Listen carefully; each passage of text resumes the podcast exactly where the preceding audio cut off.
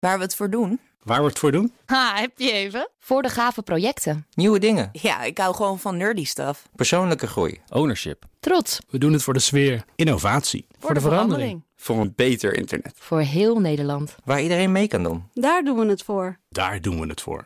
Waar doe jij het voor?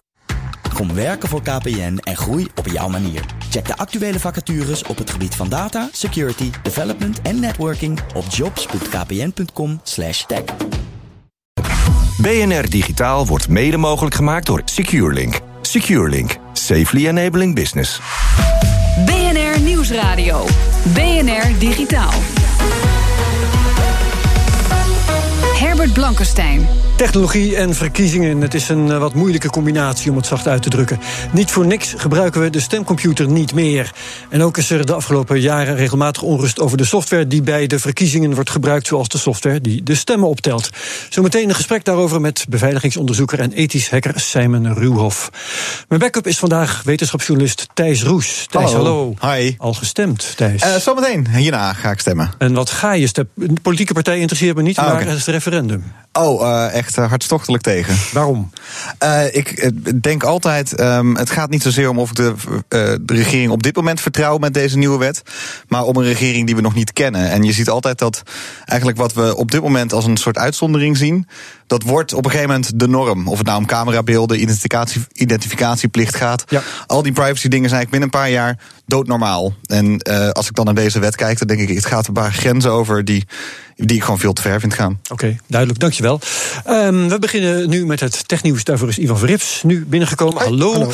Het Russische Kaspersky gaat een datacentrum openen in Zwitserland. Is dat een voorbode van uh, emigratie uit Rusland? Nou, vast niet helemaal, maar ze gaan wel een enige operatie daar inderdaad weghalen uit Moskou. Want uh, ja, Kaspersky ligt al langer onder vuur, dat weet je. bijvoorbeeld in de VS. Vanuit, ja, Overheden ja. mogen daar software van Kaspersky niet meer gebruiken, omdat de Amerikaanse diensten bang zijn dat Kaspersky een soort verlengstuk van de Russische overheid en de inlichtingendienst is. Is nooit bewezen, wel een hardnekkig gerucht. Kaspersky ontkent dat natuurlijk.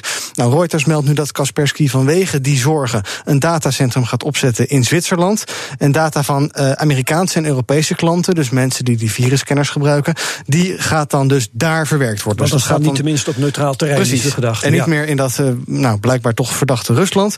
Uh, en ook de ontwikkeling van het antivirusproduct zelf verhuist dus naar Zwitserland toe. Ah, dus niet alleen een datacentrum, maar ook een kantoor. Ja, precies. Ook ja. mensen. Um, dus ja, het zou nog wel eens kunnen zijn dat de Russische veiligheidsdiensten hier een stokje voor willen steken. Melden bronnen aan Reuters. Want ja, die zullen het niet leuk vinden dat zo'n bedrijf daar vertrekt. En ik weet natuurlijk niet welke macht zij hebben om dat eventueel tegen te houden. Formeel of informeel. Maar het lijkt wel een beetje onvermijdelijk van Kaspersky. Want ja, dit, uh, dit, dit, ja, die geruchten over die invloed, dat blijft toch maar ja. komen. En dat is niet goed, goed voor je business. Moeite waard om te blijven volgen. Ook dit, een heuse delete Facebook movement is op gang gekomen. En die krijgt steun uit de prominente hoek. Ja, van Brian Acton. Ken je die? Nee. Dat is een van de oprichters van WhatsApp. En je Hm. weet, zij verkochten hun app in 2014 aan Facebook voor ja. 14 miljard. Die andere medeoprichter, Jan Kaum. 18? Maar goed, maakt niet uit. Miljard, miljard nou, meer of minder, doen we niet moeilijk nee, uh, die andere medeoprichter van WhatsApp, die werkt daar nog. Maar die Acton is inmiddels weer weg. Die heeft ook, uh, wat hij verdiend heeft, een heel aantal tientallen miljoenen... heeft hij bijvoorbeeld in Signal gestopt. Dus in een concurrerende chat-app. Ja. En die uh, meneer Acton, die twittert... It is time, delete Facebook. Dus dat heeft natuurlijk alles te maken met dat Cambridge Analytica-schandaal. Um, dus ja, eerst heeft hij flink gecashed vier jaar geleden. Een paar tientallen miljoenen, honderden miljoenen, ik weet het niet. Uh, ja. bin, binnengehaald. En uh, vier jaar later zegt hij wegwezen bij Facebook. Dus hij bijt een beetje de hand die hem gevoed heeft. Overigens wel goed om te zeggen, want dit soort campagnes zijn er natuurlijk vaker geweest. Hè. Uber heb je ook wel eens gehad dat iedereen zei: ga weg bij Uber. Maar ja. Uber bestaat ook nog steeds. Dus het is geen garantie voor succes. Maar ik ben wel heel erg benieuwd hoeveel mensen deze dagen hun Facebook-account deactiveren of daadwerkelijk echt verwijderen. Maar ik denk niet dat Facebook daar heel erg Ik denk dat er minder zullen zijn dan er dezezelfde tijd erbij komen. Het is een beetje symbolisch ook. Hè? Het is met de delete Facebook ook als een enorme macht in onze samenleving. Dat is denk ik ook een beetje. Je profiel mag je nog wel houden om Messenger of zo. Dus ja. anders een berichtje te sturen naar iemand. Oké, okay, dat was Thijs. In elk geval, Ivan, dankjewel. BNR Nieuwsradio. BNR Digitaal. Technologie en verkiezingen niet helemaal een gelukkig huwelijk. Ook dit jaar wordt er weer het computerprogramma OSV, ondersteunende software verkiezingen, gebruikt. Dat programma is ondermaats beveiligd, bleek eerder al uit onderzoek van beveiligingsonderzoeker en ethisch hacker Simon Ruhoff. En die is nu hier. Welkom. Hey. Uh, je hebt de afgelopen tijd ook onderzoek gedaan naar de fraudegevoeligheid uh, van de verkiezingen. En wat blijkt kort door de bocht? Het is de kieswet die nou niet bepaald meehelpt om die kans op fraude te minimaliseren. Hoe zit dat verband?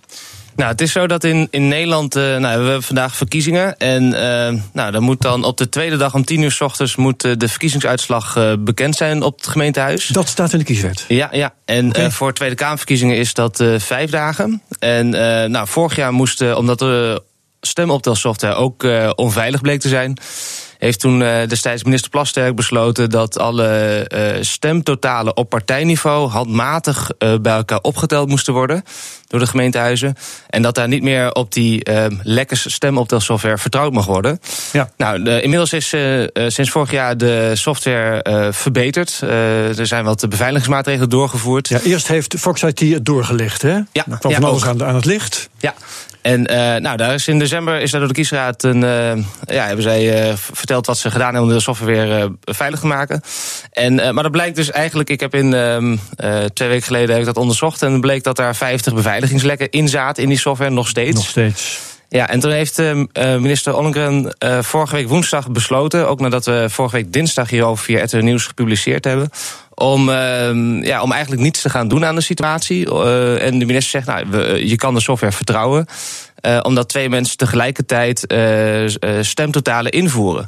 Maar ja, weet je, op het moment dat je met twee personen op, op de beamer stemtotalen invoert, kan daarna een hacker nog wel de stemtotalen aanpassen op de server.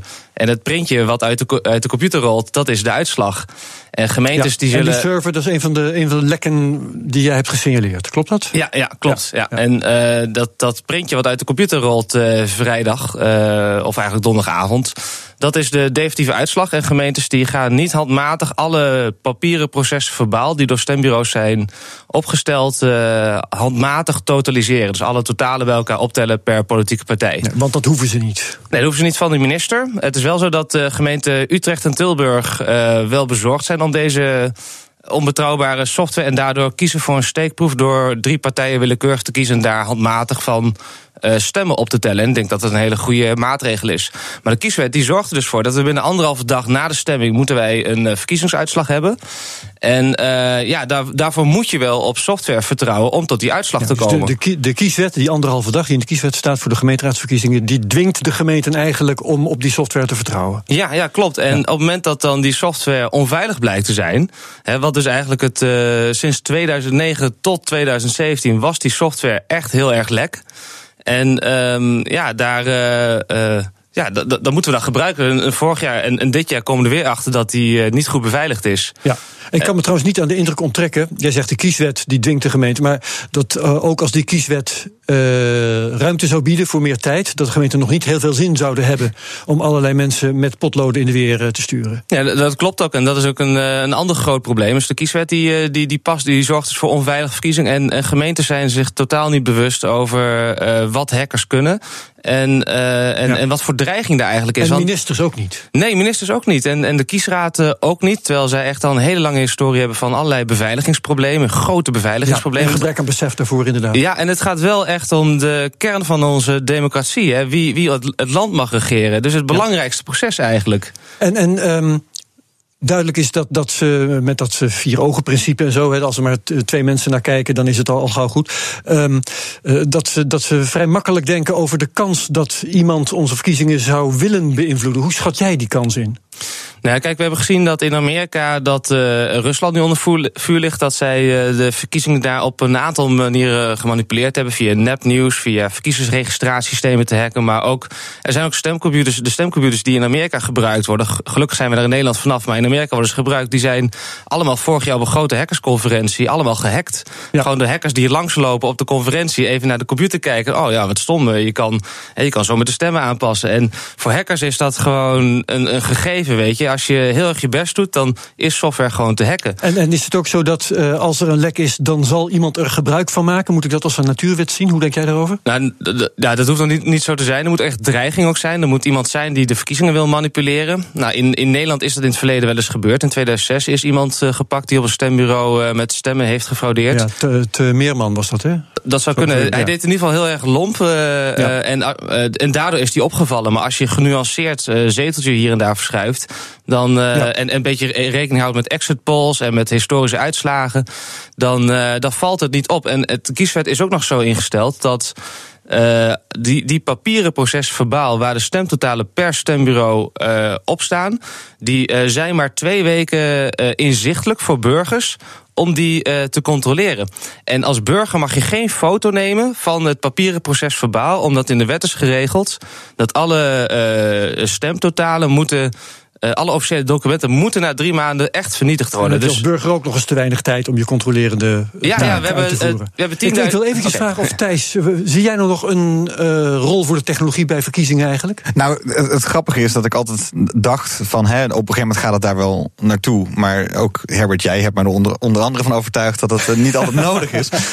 ik las wel berichten over dat er bijvoorbeeld in de grote steden een groot tekort was aan vrijwilligers. En dan kan ik wel begrijpen dat er ergens op een ministerie de, de wens leeft van kunnen we dit niet automatiseren of, of makkelijker maken? En ik zit te denken, als je met blockchain technologie aan de gang gaat, met, met een soort ja, uh, uh, zitten daar niet mogelijkheden om het toch te automatiseren als het publiekelijk wordt? Want eigenlijk, als je tegen mij zou zeggen: op papier gaan een paar mensen die ik niet kende naar kijken en dan moet ik erop vertrouwen dat het goed is, dat voelt bij mij ook niet altijd helemaal die goed. Die vraag: gaat blockchain iets betekenen? Die laat ik even in de lucht hangen, ja. want daar komen we zo direct op.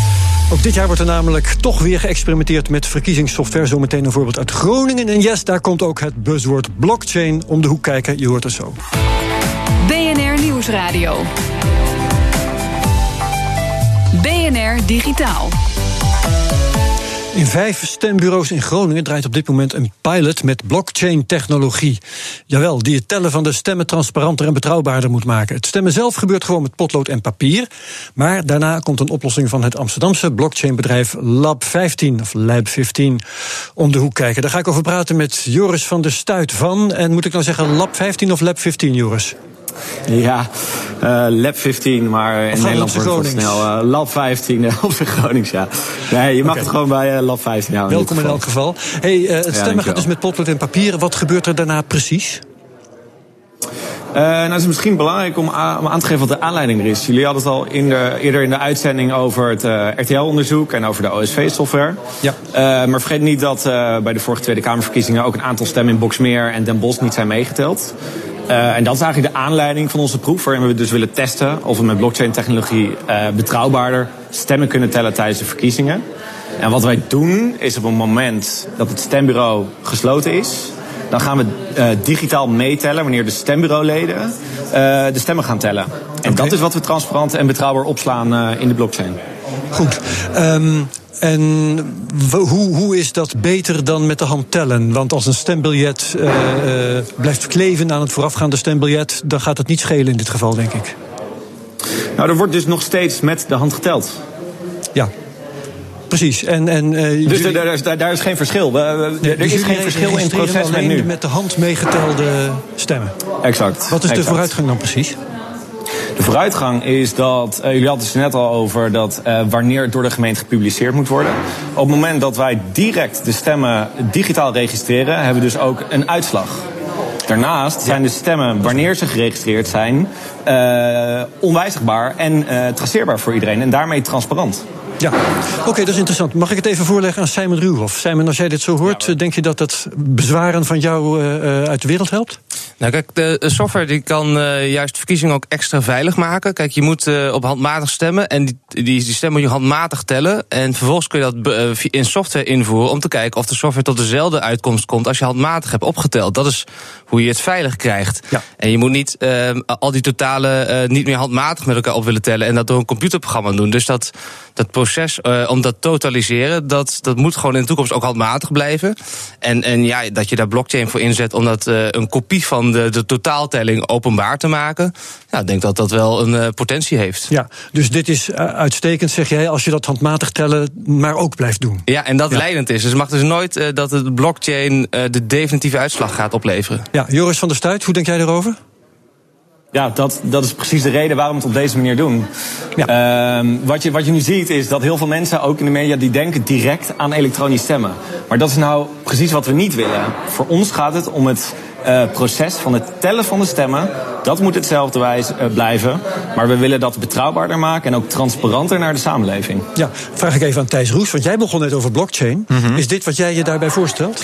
Nou ja, ik zou uiteindelijk denken dat mocht er ooit een systeem zijn waarbij je allemaal openbaar anoniem kan stemmen, dan is het, het principe hetzelfde, lijkt mij. Dus maar dit klinkt als een mooie eerste stap. Waarbij in ieder geval, als ik beide uh, heren zo hoor, dan valt er, valt er eigenlijk nog eerst enorme stappen te maken voordat je überhaupt ooit naar over digitaal stemmen zou na kunnen denken. Ja, ja, ja, ja. Zover ja. is het nog lang niet. Uh, nee, nog. Simon Ruhoff. Ja, ik, uh, ik denk dat we met experimenteren met softwareprojecten in ons stemproces, uh, verkiezingsproces, dat we dat even ook uh, echt moeten focussen op de problemen. En dat is handmatig totaliseren. En al die, die stembureau-apps ook die ontwikkeld worden in de tussentijd, dat, dat zorgt alleen maar weer voor dat we weer onveilige de verkiezing krijgen en dat de discussie ontstaat door de experts. Ja.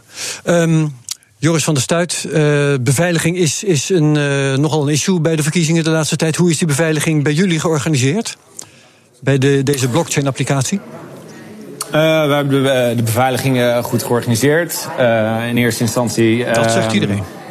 Ja, dat zegt iedereen. Nou kijk, het gaat om, omdat het, het stemmen blijft nog steeds anoniem. Dus het stemgeheim is gegarandeerd. Ja. Wat we doen is simpelweg die stemmen registreren op de blockchain. Dus ja, maar ja, toch wel wat een wil je, wat wil je qua computer. veiligheid? Nou ja, bijvoorbeeld dat die computer niet op internet is aangesloten.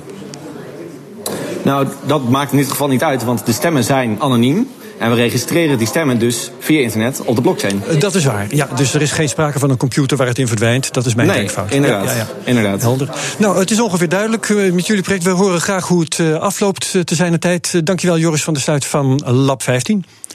BNR Nieuwsradio. Herbert Blankenstein. En ik noteer nog even dat Simon Ruhoff, die nu zo ongeveer van het toneel verdwijnt, dat hij niet alleen opereert. Want dat, zo lijkt het natuurlijk altijd zoals je in de media verschijnt. Maar jij maakt eigenlijk deel uit van een team waar zelfs ook de grote Rob Gongrijp deel van uitmaakt. Hè, die ja. zich ooit met de stemcomputer heeft bemoeid. Ja, ja, we zijn inmiddels echt al met een man of tien uh, uh, ervaren hackers. die, uh, die allemaal echt bezwaar te hebben tegen deze verkiezingsuitslag. En we willen eigenlijk allemaal gewoon dat dat de gemeentes gaan begrijpen dat, dat software te hacken is en dat we gewoon handmatig moeten totaliseren. Dus echt een grote groep experts die hier ja. echt tegen is. Zeer opmerkelijk dat juist de meest vaardige techneuten pleiten voor handmatig en papier. Ja, en dat, uh, ja. dat moet te denken geven. Ja, ja. oké. Okay, bedankt uh, voor dit moment, Simon Ruhoff. Um, veel websites van de grote lokale politieke partijen in Amsterdam, Den Haag en Rotterdam scoren onvoldoende waar het gaat om toegankelijkheid voor mensen met een beperking. En zeker als het gaat om verkiezingen is het natuurlijk belangrijk dat iedereen mee kan doen. Daarom ga ik praten met Auke Gronsma van Site Improve. Hartelijk welkom in BNR Digitaal. Jullie hebben deze sites getest op hun toegankelijkheid. Waar kijk je dan naar? Ja, hey, goedemiddag uh, Herbert. Hey. Um, ja, waar wij precies naar kijken, er zijn internationale richtlijnen op het gebied van toegankelijkheid. Die zijn geadopteerd door de Europese Unie en de lidstaten. Wat staat daar bijvoorbeeld in?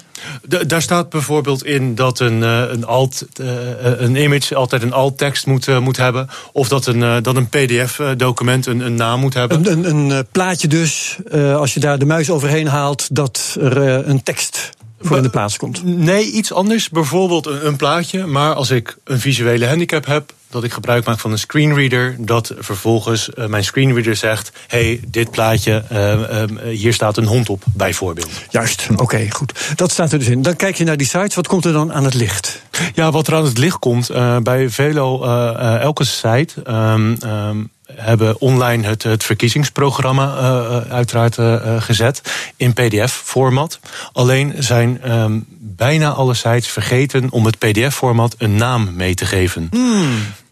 Dus dat wordt dan door mijn screenreader uitgelezen als unknown. Ja, dan is het voor mij lastig als, als blinde persoon bijvoorbeeld ja. om dit document aan te klikken en vervolgens mij te oriënteren op mijn, op mijn keuze voor een uh, politieke partij. Het voorbeeld van blinden is uh, betrekkelijk makkelijk. Dat iedereen zich. Uh, wat voor andere problemen met toegankelijkheid kun je hebben voor, weet ik het, doven of mensen met problemen met hun ledematen? Maar wat. Ja, precies. De ledematen. Denk als jij geen, geen arm of benen hebt, dan maak je gebruik van een, van een soort joystickje waarmee je de website bedient. Ook daarvoor is het heel erg belangrijk dat een website in het fundament goed is opgebouwd, zodat ja. ik met een beperking goed kan navigeren op die website. Welke partijen falen hier nou het meest bij? Ja, de, eigenlijk allemaal. Uh, want het is een. Het is en een... falen ze meer dan de gemiddelde site eigenlijk? Mm, ja.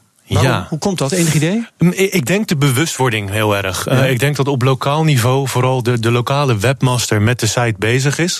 Um, en die staat misschien niet helemaal stil bij het, het onderwerp toegankelijkheid. Ja, wat opmerkelijk hoor, want uh, juist politieke partijen zou je je voorstellen die uh, zijn bezig bijvoorbeeld discriminatie te bestrijden. Ik noem maar een dwarsstraat, gehandicaptenvoorzieningen en Ja. dit en dat zorg. Ja. En dan gaan ze op dit punt in. Het verbaasde mij eerlijk gezegd ook. Praten jullie met partijen hierover? Ja, wij praten zeker met, uh, met partijen hierover. Wat gebeurt er dan? Uh, daar zitten we ook heel erg in het bewustwordingstraject. um, dat, dat men houdt er geen rekening mee. Simon knikt begrijpend. ik, weet, ik, weet, I feel your pain. Dat ja, ja, absoluut, ja. nee, wat, wat, wat, wij vaak, uh, vaak zien als je, als je een, een gebouw ontwerpt... je heel, heel erg rekening mee met iemand die met een rolstoel naar binnen, naar binnen moet. En eigenlijk vertaal je dat door naar het online gedeelte... Ja. Um, dat iemand met een visuele handicap of een andere handicap goed de website kan, ja. uh, kan bereiken. Even aan Thijs Roes vragen. Jij, jij, doet heel veel online. Je leeft eigenlijk digitaal hè, als mm -hmm. journalist. Doe jij nou dingen uh, in jouw producties die rekening houden met mensen met een beperking? nou, je moet tegenwoordig al je video's ondertitelen. Maar dat is ongeveer. Oh, het, het, het, ja, dat, ja. Dat, dat, dat, is het maximale. Je probeert aan je publiek ook. te denken natuurlijk. Maar ja, het is ook. Uh, wat doet BNR voor slechthorenden? Ja, ja, dat, is, dat, dat is ook wel antwoord schuldig op blijven, eerlijk gezegd. Ja, zijn, ondertitelen. Ja, zijn er, het, je kan niet altijd met iedereen rekening houden. Maar zijn er niet ook wetten die, die hier dan voor zijn? Ja, zeker. Uh, op um, um, ja, de wetgeving is nu op dit moment dat de overheden hieraan gebonden zijn. En die moeten daar echt wat mee doen. Ja. Dus je ziet heel erg bij, bij gemeentes en, en overheidstellingen in Den Haag, die, die, die zijn hier wel mee bezig. Echter, de wetgeving is nog niet helemaal uitgerold voor bijvoorbeeld commerciële partijen of, of politieke partijen. Er is er niet een soort recht op, uh, zoals in de Verenigde Staten ken je uh, voor gehandicapten het recht dat iedereen zich aan moet passen, anders word je gediscrimineerd. Dat kennen we in Nederland niet, hè?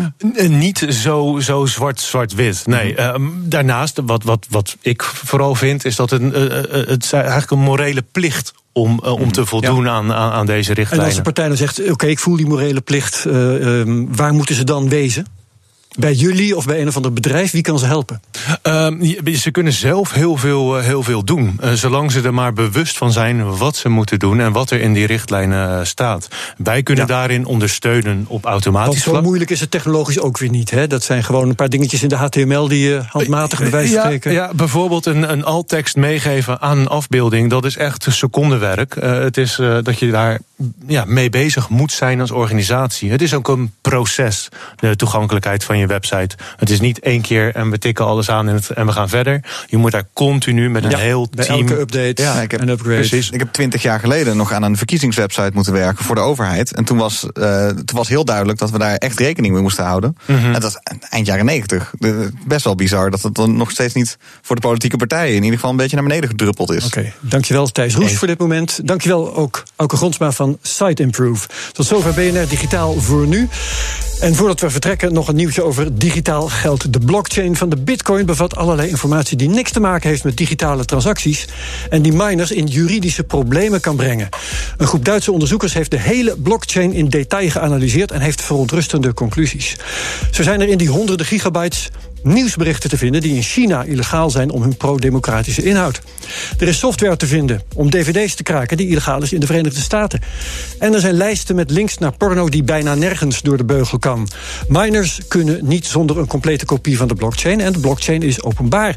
Dat betekent dat in zowat elk land dat zowat elk land een stok heeft om de hond te slaan als ze van de miners af willen. Weblog Boing Boing attendeert op de omgekeerde mogelijkheid. Stop politiek gevoelige inhoud in de blockchain. En de overheid kan er alleen vanaf als ze de hele bitcoin-economie buiten de deur durven zetten. Wat dan hopelijk een te grote stap is. Weer een reden om de ontwikkelingen rond de bitcoin goed in de gaten te houden. Dus Rob Jansen, wat doen de bitcoin en de ether op dit moment?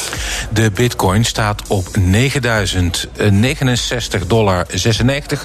En dat is 4,2% hoger dan een week geleden. De ether staat op 575 dollar 53. En dat is 11,9% lager dan een week geleden. Het blijft een mixed Dankjewel Rob Jansen en iedereen heel graag tot volgende week. BNR Digitaal wordt mede mogelijk gemaakt door SecureLink. SecureLink. Safely enabling business. Ook Harm Edens vind je in de BNR-app. Je kunt BNR Duurzaam niet alleen live luisteren in de app, maar ook terugluisteren als podcast, zoals al onze podcasts. En naast dat de BNR-app Breaking News meldt, houden we je ook op de hoogte van het laatste zakelijke nieuws. Download nu de gratis BNR-app en blijf scherp.